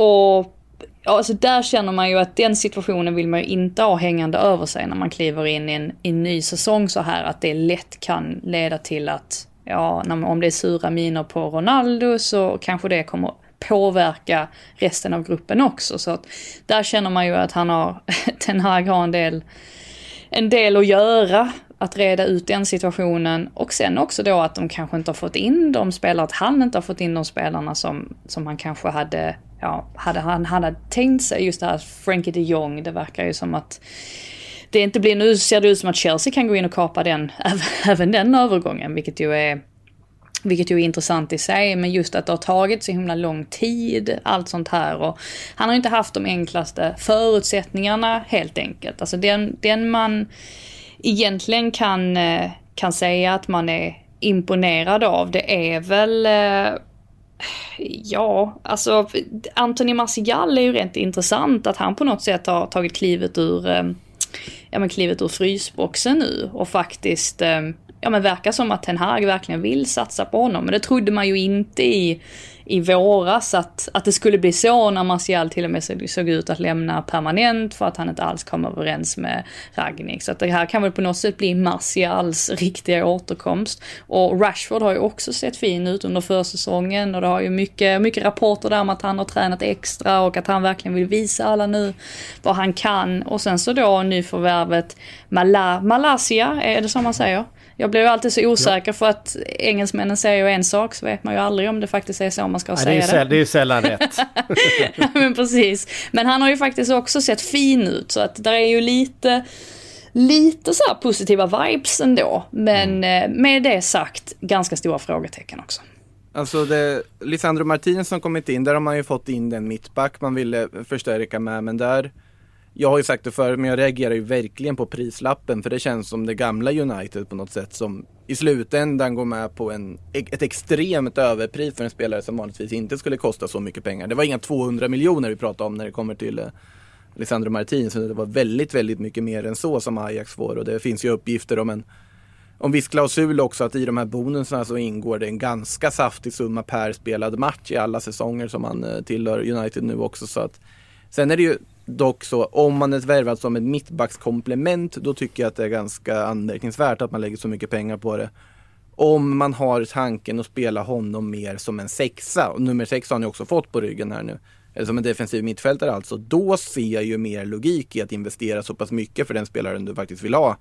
Eh, så det blir väldigt spännande att se hur Erik Tanara kommer använda honom den här säsongen, för han är ju värvad för att spela, förmodar jag i alla fall. Eh, och såklart Christian Eriksen också, hur stor roll kommer han ha? Vad kommer han betyda för det här laget? Men som sagt, försäsongen har i alla fall sett väldigt lovande ut tycker jag. Och jag ångrar ju lite att jag satte dem på sjätte plats i mitt tips. Det gör jag faktiskt. För jag tycker ändå att det finns positiva tendenser där. Men sen måste ju Ronaldo-frågan lösas också. Ja. ja, alltså jag satte dem ju ändå fyra. Men, mm. men, tror jag nu, om jag inte minns helt fel. Men det var ju också att hur dåligt det än såg ut många gånger under förra säsongen så såg man ju ändå att alltså själva grundpelarna finns på något sätt där för att göra en bra match. Jag tänker inte minst på den här matchen på The Emirates var det väl när de faktiskt borde ha fått med sig alltså ett bättre resultat än vad de nu fick. Så att på något sätt som, eh, tycker jag ändå inte man kan räkna bort Man United någonsin på något sätt. Eller den känslan man, jag sitter med i alla fall. Nej, men jag, jag känner lite så här, jag, jag, tycker att truppen är för dålig. Jag har dem på sjätte plats. Eh, jag, jag kan till och med se dem hamna, hamna lägre än så. Eh, just med tanke på att vi har Newcastle till exempel som, och West Ham också, vi ska prata om dem alldeles strax här. Eh, som, som kommer vara där och, och vara starka tror jag. Men Truppen saknar en hel del. Det kommer fortfarande vara Harry Maguire. Han måste lyfta sig. Om inte han lyfter sig, om han fortsätter spela som eh, han gjorde eh, förra säsongen, då måste han petas i tid. Och det är ganska svårt med tanke på att han är lagkapten. Eh, jag, tänker, jag tycker det här laget är ganska mycket Det är lite som Liverpool när, när Klopp tog över och Klopp, alltså Ten Hag är en fantastisk tränare, det är Klopp också. Han slutade åtta den säsongen första och andra säsongen när han har fått liksom både ett vinter och ett sommarfönster och sen ett vinterfönster till på sig så löste man Champions League-plats med en, med en halvlek kvar på säsongen. Så att det, så lätt är det inte om inte materialet finns där. Eh, och jag tycker inte riktigt att, att materialet, jag tycker att mittfältet är för tunt. Eh, det finns stora frågetecken i backlinjen eh, fortfarande. Så att... Ehm, Ja, jag, jag, jag håller inte med. Jag, jag håller Nej, inte jag, med jag där alls, tänkte precis säga att jag, att jag tycker inte heller att det är så domedags. Det är ju den här centrala mittfältaren som vi, den, som vi har tjatat om de senaste tio åren, eller vad är det? Som man liksom fortfarande kanske inte riktigt har fått in det, eller man har inte fått in den typen av spelaren. Men jag, jag vet inte, i övrigt så, så tycker jag ändå att det, alltså rent offensivt tycker jag det finns en jättefin uppsättning spelare. Men ja, sen är frågan hur står de sig, alltså jämfört med andra av de toppkonkurrenterna. Det är ju, det är ju, det är ju en annan diskussion i och för sig. Nej, för vi kommer ju komma in på, på till exempel eh, Tottenham här som har gjort ett superfönster och som ser riktigt starka ut. Jag tycker att, ja, Arsenal topp 4 hos mig. Jag tycker fortfarande att Chelsea har så pass mycket bättre trupp än vad, vad United har. Och, och Liverpool sitter såklart. Så för mig blir de, så för mig är de det sjätte bästa laget i ligan. Men det här- Eh, om jag tittar på dem trupp för trupp. Det här är ju också, det här är ju också fortfarande minus Pogba plus Eriksen så är det ju samma trupp som vi under Ole Gunnar Solskjärs ledning tippade väldigt högt inför förra säsongen. Så jag tror att man, man luras lite av hur usla de faktiskt var i fjol med spelare som Fred, Maguire, McTominay och så vidare. Att det finns, det finns ganska mycket fotbollskvalitet i de där spelarna om de får rätt miljö, rätt system, rätt mindset. Så att jag, jag ser ju faktiskt dem som om de presterar som de ska göra ska de absolut vara med och slåss om en Champions League-plats. Jag ser inget annat i alla fall. Nej, det måste de ju vara. De måste vara med där och slåss. Men jag, eh, det, när jag tittar på dem så tycker jag att eh, de, de känns som det sjätte bästa laget i ligan just nu. Eh, det måste jag vara ärlig att säga. Men Ja, jag vi tippar får dem se. också på samma så att jag ska inte säga så mycket där i alla fall. Men efter Manchester United på listan här då hittar vi Newcastle, storsatsande. De skulle ha varenda spelare i hela världen eh, under det här eh, sommarfönstret såklart. Det blir ju mycket rykten när man har fått in en eh, ägare utav den eh, typen som eh, Newcastle fick i vintras. Eh, det har kommit in lite grann, framförallt så eh, kom du in spelare under januarifönstret som satte avtryck direkt. Eh, och mm, Eddie Howe känns som att han fick, framförallt såg Newcastle så fantastiskt bra ut under våren. Eh, och det känns som att det, det, det har börjat röra på sig det här, det här monstret eh, som de håller på att skapa där. Jag, jag tror att Newcastle har en väldigt spännande säsong framför sig. Ja, en ganska fin trupp de har fått ihop nu i alla fall. När de har adderat Sven Borkman. Nu var det väl lite mer i och för sig. Det var väl närmare 400 miljoner kronor om jag inte minns helt fel. återigen rätt, det var, det var ungefär dubbla de andra värvningarna som har gjort i den här ligan. Ja, men precis. Och eh, sen inte minst Nick Pope. Är ju behövin eh, värvning. De behövde Visst. ju verkligen få in en, en, stabil, en stabil målvakt. Och det har man ju nu. Så att jag också tycker det, är, tycker det här ser jättespännande ut. Och om det är någon som ska liksom få ihop allt det här så har jag stort förtroende för Eddie Howe och att han ska, ska klara av det. Det är väl bara det nu att Ja, nu måste man ju liksom ta det där, liksom i Aston Villas fall, att ta det här sista steget är ju ganska svårt. Inte minst med tanke på att vi har svårt att liksom se hur Big Six kommer sluta. Ja, men då ska vi liksom addera Aston Villa och Newcastle och West Ham för den delen. Wolves kanske också vill blanda sig i där. Så att det är väldigt många klubbar på väldigt, väldigt få platser. Men eh, nej, med, med det sagt så tycker jag absolut att eh, det ska bli kul att, följa Newcastles eh, säsong. Och eh, Joey Linton inte, inte minst, som ju eh, fick, ett, fick ett riktigt erkännande förra säsongen. Det var kul att se. Ja, och sen att han får spela tillsammans då med, med Bruno Guimaraes eh, på mittfältet där är ju riktigt, riktigt bra. Vi vet vad sen Maximan kan, kan bidra med under säsongen. Eh, han kan ju verkligen öppna upp matcher. Det finns, eh, alltså man fick in Dan Burn i, i mittförsvaret som då tillsammans med Sven Bottman ehm, Ja, det är, det är en riktigt fin startelva. Eh, Kieran Trippier tillbaka från sin skada. Eh, det är klart att det blir lite mer bänk då, kanske för Emil Kraft. Och Som har Kieran- förlängt. Eh, som har förlängt, eh, absolut. Nej, men det känns som att det är rätt bra stämning i den här truppen också. Det är väl eh, målvakterna kanske, Dubravka är väl bra. Han är inte någon utav, utav ligans bästa eh, målvakter, det är han inte. Eh, nej, förlåt, de har värvat Nick Pope. Ja. Jag glömde Vi pratar om det precis. Alltså, det så enda- sällan, det är så sällan du lyssnar när jag pratar har jag insett. Det är väldigt, väldigt ofta. Men jag sitter och planerar vad som ska hända härnäst. Ja, jag, jag, jag vet. Jag vet Men alltså det är vad så. heter det, det enda, ja härnäst i Newcastle så är det väl en eh, mittfältare och en forward tänker jag, eller en ytter möjligtvis. Det är väl de offensiva bitarna, för defensiven tycker jag man har fått på plats. Eh, jag tycker att de här uppgifterna man, man budar och är väldigt intresserad av James Madison är väldigt logiska i mina ögon. Alltså tänker då, om du har Joel Linton i sin nya renässans stödgummeform där på mittfältet. Du har Bruno Guimaraes som kan det mesta och så lägger du till James Madison på det här tremanna mittfältet och då ser det väldigt, väldigt bra ut. Sen då, nu fick de inte Hugo Ekitike, han hamnade ju efter mycket om och men i PSG. Jag börjar tro att det kanske var för Newcastles bästa med tanke på hur rörigt hela den historien var. Eh, då ska ju få in en forward där också.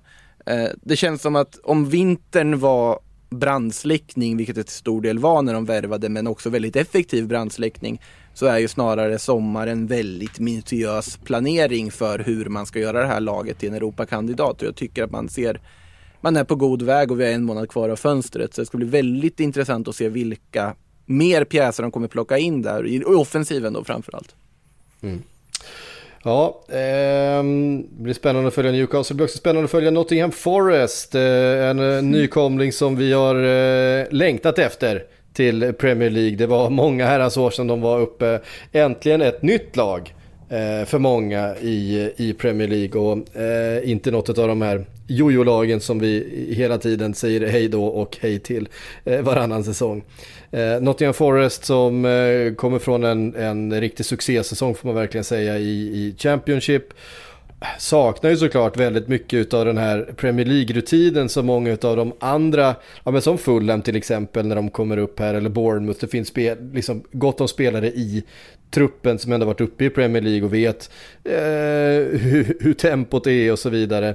Eh, nu kommer Nottingham Forest upp men eh, de har spänt bågen här verkligen.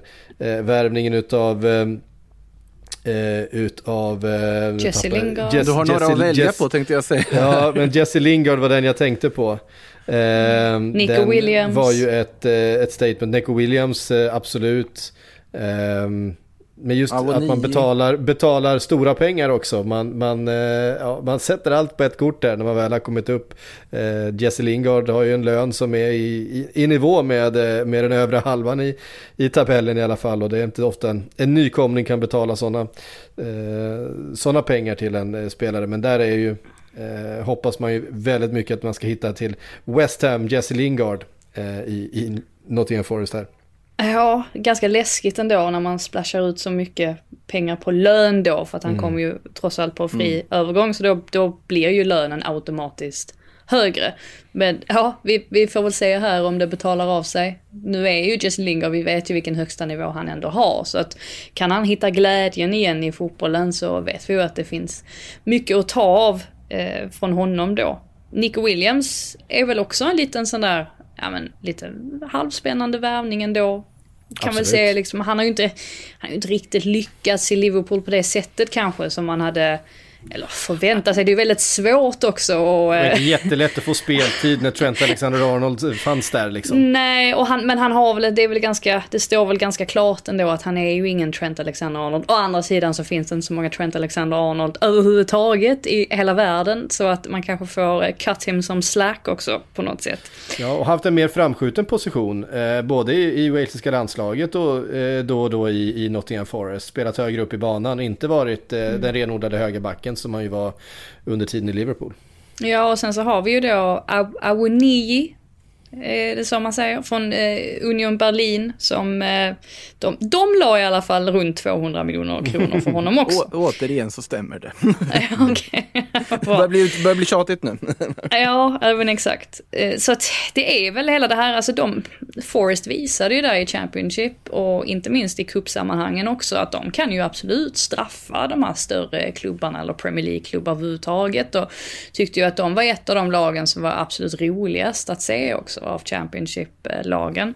Men nu gäller det ju också här för, för Steve Cooper som jag tycker verkar vara en högst kompetent tränare, att han också ska försöka ja, nu ska han försöka liksom tuta i dem att ja men det gick i Championship och vi gick upp och nu, nu ska det gå för att hänga kvar också i Premier League. Och det är där man blir lite osäker. Så att jag satte dem ju på nedflyttningsplats, visserligen innan Jesse Lingard och, och så här. Men ja, på något sätt så tror jag nog att det kan bli, det kan bli ganska tufft ändå att liksom liksom överträffa förväntningar sett över en hel säsong. Jag kan tänka mig att det blir på något sätt en, lite av en start som Norwich hade 2019-2020, att de liksom flyger fram där i början och sen så mattas, mattas det av. Å andra sidan så har de ett ganska otacksamt inledande schema där. Jag tror att det är Newcastle, West Ham, Everton, Tottenham och sen City och även om inte det är de liksom, förutom City då och Tottenham, att det kanske är de absolut bästa klubbarna, så, så visar det ju ändå att Premier League är ju tufft i år. Alltså det finns, det finns många, många bra lag här. Så att,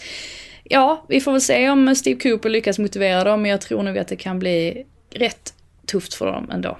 Alltså skillnaden mot, uh, mot Fulham när de satsar så mycket tycker jag att det finns en riktning på att det är väldigt mycket Bundesliga-influenser i Avoni som du nämnde, Mangala som kommit in i AKT. Eh, man har verkligen plockat så här guldkorn från Bundesliga så det ska bli väldigt intressant att se hur det funkar i Premier League-sammanhang. Ja, eh, och från eh, Nottingham Forest då tar vi oss ner till Southampton. Snark. Ett till mittenlag. ja, men alltså, det är ju, jag vet inte. Det känns som, det känns som att Southampton Eh, ja, men lite grann som jag känner inför Leicester. Det har inte hänt svinmycket. I alla fall inte, det har inte hänt någonting som gör att jag känner att oh vad spännande det ska bli att följa Southampton nästa säsong. De kommer heller inte vara inblandade i nedflyttningsstriden tror jag. Eh, de har fortfarande en James Ward-Prowse som kommer lobba in en, eh, en 7-8 frisparkar och, och, och pricka in ungefär lika många hörner på pannan på, eh, på forward. Eh, Mm. Det, finns, det finns bra spelare, det finns en, eh, en struktur, det, de har en bra tränare tycker jag. Eh, men de har inte en Ibland. trupp för övre halvan. Eh, de har heller inte en trupp för nedflyttningsstrid. Det kommer vara eh, mellanmjölksäsong igen för Southampton, tror jag. Eh, alltså Southampton satsar ju ofta väldigt mycket på, på ett och samma kort. Alltså jag var inte riktigt säker på hur de skulle göra med Hasenhüttel för att om vi minns hur förra säsongen avslutades så sjöng ju supportarna om att de ville se honom avgå.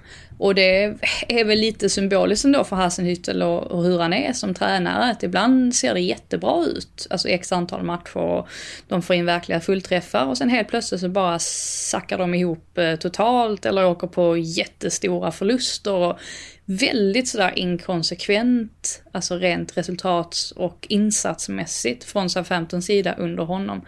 Och nu har de ju fortsatt på samma spår ändå här med att plocka in alltså väldigt unga spelare alltså som, har, som spås en lysande framtid. Och det kan man ju tycka liksom då att Ja, alltså det är ju ändå en risk på något sätt. Alltså det är ju, han, Joe Ariba som kommer från Rangers, han är ju en annan spelare som inte har spelat en endaste Premier League-match tidigare i karriären. Å andra sidan så kan man ju liksom bara kasta sig tillbaka ett år i tiden så såg vi hur bra det gick där i början med Tino Livramento som då bara var 18 år och han kostade väl bara runt sådär 70 miljoner kronor men han var ju fullständigt fenomenal på, på högerkanten där fram till sin svåra knäskada. Så att och, och, det fanns en massa andra exempel också. Borja var väl en annan då mm. som också har, eh, har Chelsea, eller är Chelsea fostrad. Och alla var under 25 och det gick ändå hur bra som helst. Men det gäller just det där att de här nyförvärven då vad är det, Gavin Bas Basunu, eh, Romeo också. Lavia, ja, Bella Kotchap. Alltså de måste ju verkligen, de måste ju verkligen leverera från start. Och får de till det, absolut, då kan jag tänka mig att vi sitter och pratar om SA-15 som oj vad ungt och spännande det är. Och, och de fortsätter på den här unga, väldigt framgångsrika taktiken. Men det kan också bli precis tvärtom, att det inte blir alls bra. Det, det är där jag står just nu i alla fall. Nej, jag, är lite, jag är lite orolig för dem också. Jag håller mig, håller mig så pass kort i alla fall där att jag är inte säker på att de kommer ha en behaglig mittensäsong i alla fall. Nej. Eh, vi tar oss vidare till eh, Tottenham Hotspur. Eh, ett av de supportrarna har höga förhoppningar på den här säsongen. Eh, ska ni veta. För att eh, där har det hänt grejer. Framförallt med tanke på då att eh, Antonio Conte eh, fick sån fart på det här laget under förra säsongen. Det har eh, januarivärvningarna som kom in då. Med framförallt då Eh, Kulusevski eh, fick ju en enorm effekt. Eh, dessutom har man fyllt på med mängder med kvalitetsspelare under sommaren. Och, eh, nu, eh, nu är det uppåt, framåt för eh, Tottenham. Annars så kommer det väldigt snabbt gå ut för. Eh, så är det ju med, med Conte, men eh, man brukar vinna grejer med Conte, det är ju så. Eh, kommer Tottenham vinna någonting den här säsongen? Ja, alltså man, om man säger att inför förra säsongen att det var Chelsea som kändes lite grann som de här, åh, oh, watch out, alltså det här laget kan potentiellt blanda sig in i titelstriden. Tycker jag nästan att det känns som att Tottenham är den, eller är det laget nu inför den här säsongen, att man man vet, inte, man vet inte om det är så att de faktiskt kan ha fått alla pusselbitar på plats nu tillräckligt för att de ska kunna hänga med där uppe, alltså hela säsongen ut. Jag tycker i alla fall att de har fått in spelarna som, som tyder på det i alla fall, eller att det, mm. att det kan bli så. Richarlison är en av dem, jag blev jätteförvånad när jag såg att han, att han var klar för Tottenham. Och det var ju främst för att man tänkte, jaha, men vad ska han in då? Blir det på bekostnad av Kulusevski? Alltså hur kommer, hur kommer det bli? Och det är ju en sån där spelare också som man tänker sig att det här kommer ju antingen bli hur bra som helst eller inte alls bra. För att han vill ju ofta stå i centrum, han vill ju framförallt spela och ha en viktig roll och allt det där. Jag tror inte riktigt att han kommer acceptera om det blir en massa om han liksom aldrig blir en startspelare. Så att just av den anledningen så är jag väl lite oro, orolig ändå för Kulusevski där och, och hans speltid. Men ja, vi får väl se hur de, eh, eller hur Conte då bestämmer sig för att få ihop alla de där eh, bitarna. I övrigt så, alltså jätteviktigt att få in en, en till mittback där, Longley. Mm. ja, Bissouma, inte minst en annan sån där statement-värvning. Som Brightons verkligen. bästa spelare, mm. så plockar man in honom. Och det, där tycker jag att man, man har ju verkligen gjort en uppgradering ändå och kan säkert hitta en jättebra balans där med, med Bentancourt och så vidare. Så att, nej, det här, jag tycker det här ser riktigt spännande ut för Tottenhams del och det var länge sedan jag var så här optimistisk sett till eh, ja, deras bygge. Ivan Perisic säger jag bara, där har vi också en ja, otroligt ja. smart värvning sett till hur, eh, hur Contes lag spelar. Det har ju mer eller mindre varit Antonio Conte som har sagt jag vill ha sex stycken värvningar, jag vill ha dem på de här positionerna. Sen har han inte alltid fått första valet på alla positioner, det ska sägas också, men han har fått in de där sex värvningarna. Det är de positioner som man ville förstärka som man har förstärkt. Såklart, det hade varit roligare om du hade lyckats få Bastoni från Inter än att plocka Longley på lån. Men Longley på lån är ett fullgott, alltså fullgod liksom quick fix i det här sammanhanget. Eh, vi får se hur stor, stor liksom roll Jed Spence kommer ha. Vi har pratat om det i Sillypodden vet jag också att han kanske inte alltid verkar ha liksom eh, lynnet på helt rätt plats om han har tytt mm. annat. Och vi får se hur det går ihop med Antonio Conte som ju inte heller alltid är sådär superlugn av sig. Så det Nej, finns väl vissa det... små saker som skulle kunna brisera lite överallt men i överlag så har de ju gjort precis där de ska i det här fönstret och ser betydligt starkare ut nu än vad de gjorde inför förra säsongen. Ja, det var ganska tydligt va, att Jet Spence att det inte är Contes värvning. Och det fick mig ännu mer att känna just den här uh, utläggningen jag hade där i Sillypodden om, mm. om Jet Spence och hans attityd och, och hela den här uh, hans förflutna med Neil Warnock där och, och det ena med det tredje. Jag, jag, jag fick lite den här känslan av att, ah, jag tror inte Jet Spence ska kliva in där och tro att han ska Ja, men att han ska ta en massa plats omedelbart, utan där får han nog se till att verkligen göra som Kulusevski gjorde. Man kliver in med väldigt stor respekt för Konto och så gör man precis vad han säger. För de är, äh, de är stenhårda där, hela, hela ledarstaben. Men det blir intressant att se. Mm. Ja, en liten bit bort då från eh, Tottenham hittar vi West Ham som eh, har varit där och knackat på dörren nu under flera säsonger. Eh, har eh, såklart en, en eh, fin, fin eh, startelva, men det är ju bredden som har saknats i, i den där truppen och eh, när eh, trötthet och skador har kommit så har det till slut inte räckt hela vägen för David Moyes och hans gäng. Eh, nu har det värvats lite grann. Skamacka ska bli väldigt spännande att se till exempel. Eh, Vad tror vi om West Ham den här säsongen? Kan de utmana igen? Man tänker ju någonstans att det till slut kommer att ta slut. Men å andra sidan så är ju Declan Rice fortfarande kvar. Mm. Och det vet vi ju inte hur länge han blir det, men det verkar väl ändå som att han kommer att vara kvar ett år nu. Är inte det känslan man har? Lite grann. Och så jo. får vi se ja, så får vi se var han hamnar sen helt enkelt. Eh, sen lär väl David Moyes få x antal frågor om hans framtid på presskonferenser under säsongens gång. Men, men det får han väl ta. De har ju värvat in den här 23-årige killen Flynn Downs från Swansea. För eh, det var ju också ganska kraftig prislapp tror jag, alltså runt en, sådär 100, 100 miljoner, miljoner kronor. Ja, precis. Eh, och en central mittfältare då som man vill ha förhoppning om att han liksom ska kunna ja, men, gå in där en dag då och eh, ta över. Alltså det, det var inte första gången heller West Ham prickar rätt på en värvning från de lägre divisionerna för att Jerry Bowen hade ju en liten liknande resa där och helt plötsligt har ju han blivit, alltså har han tagit en plats i landslaget och, och hela den biten. Så att jag tycker väl ändå att West Ham, de har ju fått behålla sin trupp på något sätt och sin, framförallt sin fina startelva. Det är ju den man ofta pratar om för att alltså truppbredden finns ju inte riktigt men startelvan är, är, är, väldigt, eh, är väldigt bra så att eh, jag tänker man väl en liten liknande säsong då. Möjligtvis att det finns några klubbar då som har värvat alltså som har värvat mer och kanske är, kommer vara lite starkare på sikt som gör att man tappar ytterligare någon tabellplacering. Men eh, jag tror inte att det kommer bli någon sorts krisstämpel över West Ham i alla fall. Det, jag tror att det kommer vara ganska stabilt. Det är tydligt att de tror väldigt mycket på dem, alltså förutom Downs då som har gjort två stora värvningar och det är ju Skamakka som nämndes och sen också Naif Aguer från Rennes. Och båda de här har ju varit ganska betydande investeringar. Vi pratar ju liksom eh, runt 350 miljoner styck för de här två spelarna. Och det är ju mycket pengar för en klubb som West Ham såklart. Eh, Skamacka, sett till att, vad han har gjort i Serie A med 16 mål, eh, ung som han är, 1,95 lång, vältatuerad. Alltså det finns ju många aspekter som gör att han han kan bli en succé liksom med sin ganska råa spelstil som han har i West Ham. Men det kan också bli två mål på 35 matcher. Eh, vi får väl se vilken skamacka det är de kommer få. Jag tror att det kommer att bli en väldigt lyckad värvning och att det är en speltyp de har saknat. Och Aguer kommer ju in och breddar en mittbacksposition de behövde bredd till också. Får se hur ordinarie han blir men det känns som de behövde ju en mittback och han verkar ju vara en väldigt spännande sådan också. Ja, Skamaka hade ju en bättre kväll på, i Wolverhampton jämfört med Jared Bowen då i alla fall när de möttes i Nations League här för inte så länge sedan. Uh, ja, det, det var väl, uh, eller blandar ihop de matcherna nu. Det gör jag säkert. Ja, jag, ja skit, skitsamma. Gå vidare. vi, vi, är, vi är långt ner i tabellen nu, nu börjar det bli trötta röster här. ja, exakt. Det är så varmt här.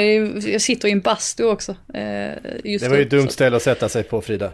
Ja, det är ju ingen bastu, men Om, ni, om ni undrar varför ja, jag låter lite annorlunda så är det för att jag gjorde också ett miljöombyte mitt i för att undvika att sitta på samma ställe och få nya intryck här istället i och med att poddstudion var bokad för annat. Ja, så var det. Men vi har ett lag kvar vi ska prata om och det är Wolves eh, som jag tyckte överpresterade kanske lite under förra säsongen. Eh, kommer man kunna eh, vara med och blandas in där på övre halvan igen tror ni? Alltså det är ju jättesvårt. Jag, jag har jättesvårt att summera deras förra säsong. Alltså mm. dels så, alltså de släppte ju en, de, de låg ju i topp 4 sett till insläppta mål då. Mm. Samtidigt som bara de tre sämst placerade klubbarna i tabellen gjorde färre mål framåt. Och alltså det, det skapar ju total förvirring då. Alltså hur ska vi, hur ska vi värdera deras, eh, deras säsong? Eh, jag, jag vet faktiskt inte riktigt. Alltså, där man har ett sorts sparkapital, det är ju Jiménez som inte alls kom upp i den nivån som vi såg honom i innan hans svåra huvudskada då mot Arsenal. För vad blir det? Det blir väl snart två år sedan va? Och um, det, är ju, det är ju givetvis en sån spelare som man hade hoppats mer på och kanske möjligtvis ja, kan, kan få se mer av nu den här säsongen. Sen är det ju Nathan Collins där som man har plockat in från Burnley. Och eh, det är ju också lite intressant för att det, det skiljer sig ju lite från Wolves, alltså normala transfermönster. Det finns ju ett par undantag i och för sig, alltså Adama Traoré var ju också en spelare man plockade in som hade liksom tidigare alltså, erfarenhet av engelsk fotboll. Men annars brukar det inte vara riktigt den vägen man går. Så att vi får väl se om, om Colin som han har lärt sig portugisiska igen eller hur, hur, det, hur det blir för honom. Connor Cody har väl fortfarande lite problem där med, med det språket. Men, eh, han ja, kämpar på. Ja, precis. Jättesvårt att värdera Wolves faktiskt. Eh, jag vet inte riktigt. Jag vet inte riktigt hur bra Bruno Lage är heller. Alltså det är, det är så mycket jag kan eh, liksom summera. Jag har ja, inte den, mer att ge än så. Den känslan som eh, Psyk har haft om Leicester och Southampton har jag lite om Wolves här just nu. Att det liksom, man, de känns ganska intetsägande för tillfället. Det är inte det är inte samma spännande Wolves som man tänker ska kunna hota Big Six som vi hade för något år sedan. Det är inte heller ett Wolves som kommer tok kollapsa rakt ner i Championship. Eh, där man kan liksom leta upp som är av intresse där. Alltså det ska bli kul att se vad Adama Traoré har fått för effekt av att vara ett halvår i Barcelona och sen komma tillbaka. Eh, han har inte riktigt stärkt sina aktier. Han gjorde ju en fantastisk första match och sen så bara svalnade det totalt direkt. Det var inte ens prat om att de skulle köpa loss honom i slutändan, vilket ju var något överraskande ändå. Nu har de ju värvat annat istället då. För, för sina pengar som de egentligen inte har. Eh, Pedro Neto ska bli intressant att se om han kan komma tillbaka till den nivån han höll tidigare. Om, där finns det kanske ett litet mini-nyförvärv om han kan hitta formen igen. Eh, Podens en andra säsong i England, vad kan han göra då också som jag tyckte såg väldigt spännande ut stundtals i, i fjol. Så det fin- och Ruben Neves är kvar i talande stund också. Det är ju också viktigt för Wolf såklart. Såklart. Ja, där hade vi det. Där var de, allihop. Lagen som ska göra upp om det, säsongen 22-23 i Premier League. Eh, hörde ni, nu måste vi jaga vidare här i eh, sommaren. Eh, på måndag är vi tillbaka med årets, eh, säsongens första ordinarie avsnitt. Eh, jag hoppas ni är med oss då. Men härifrån idag, inför Premier League som börjar om, ja, typ två dagar nu då, eh, så säger vi på återhörande.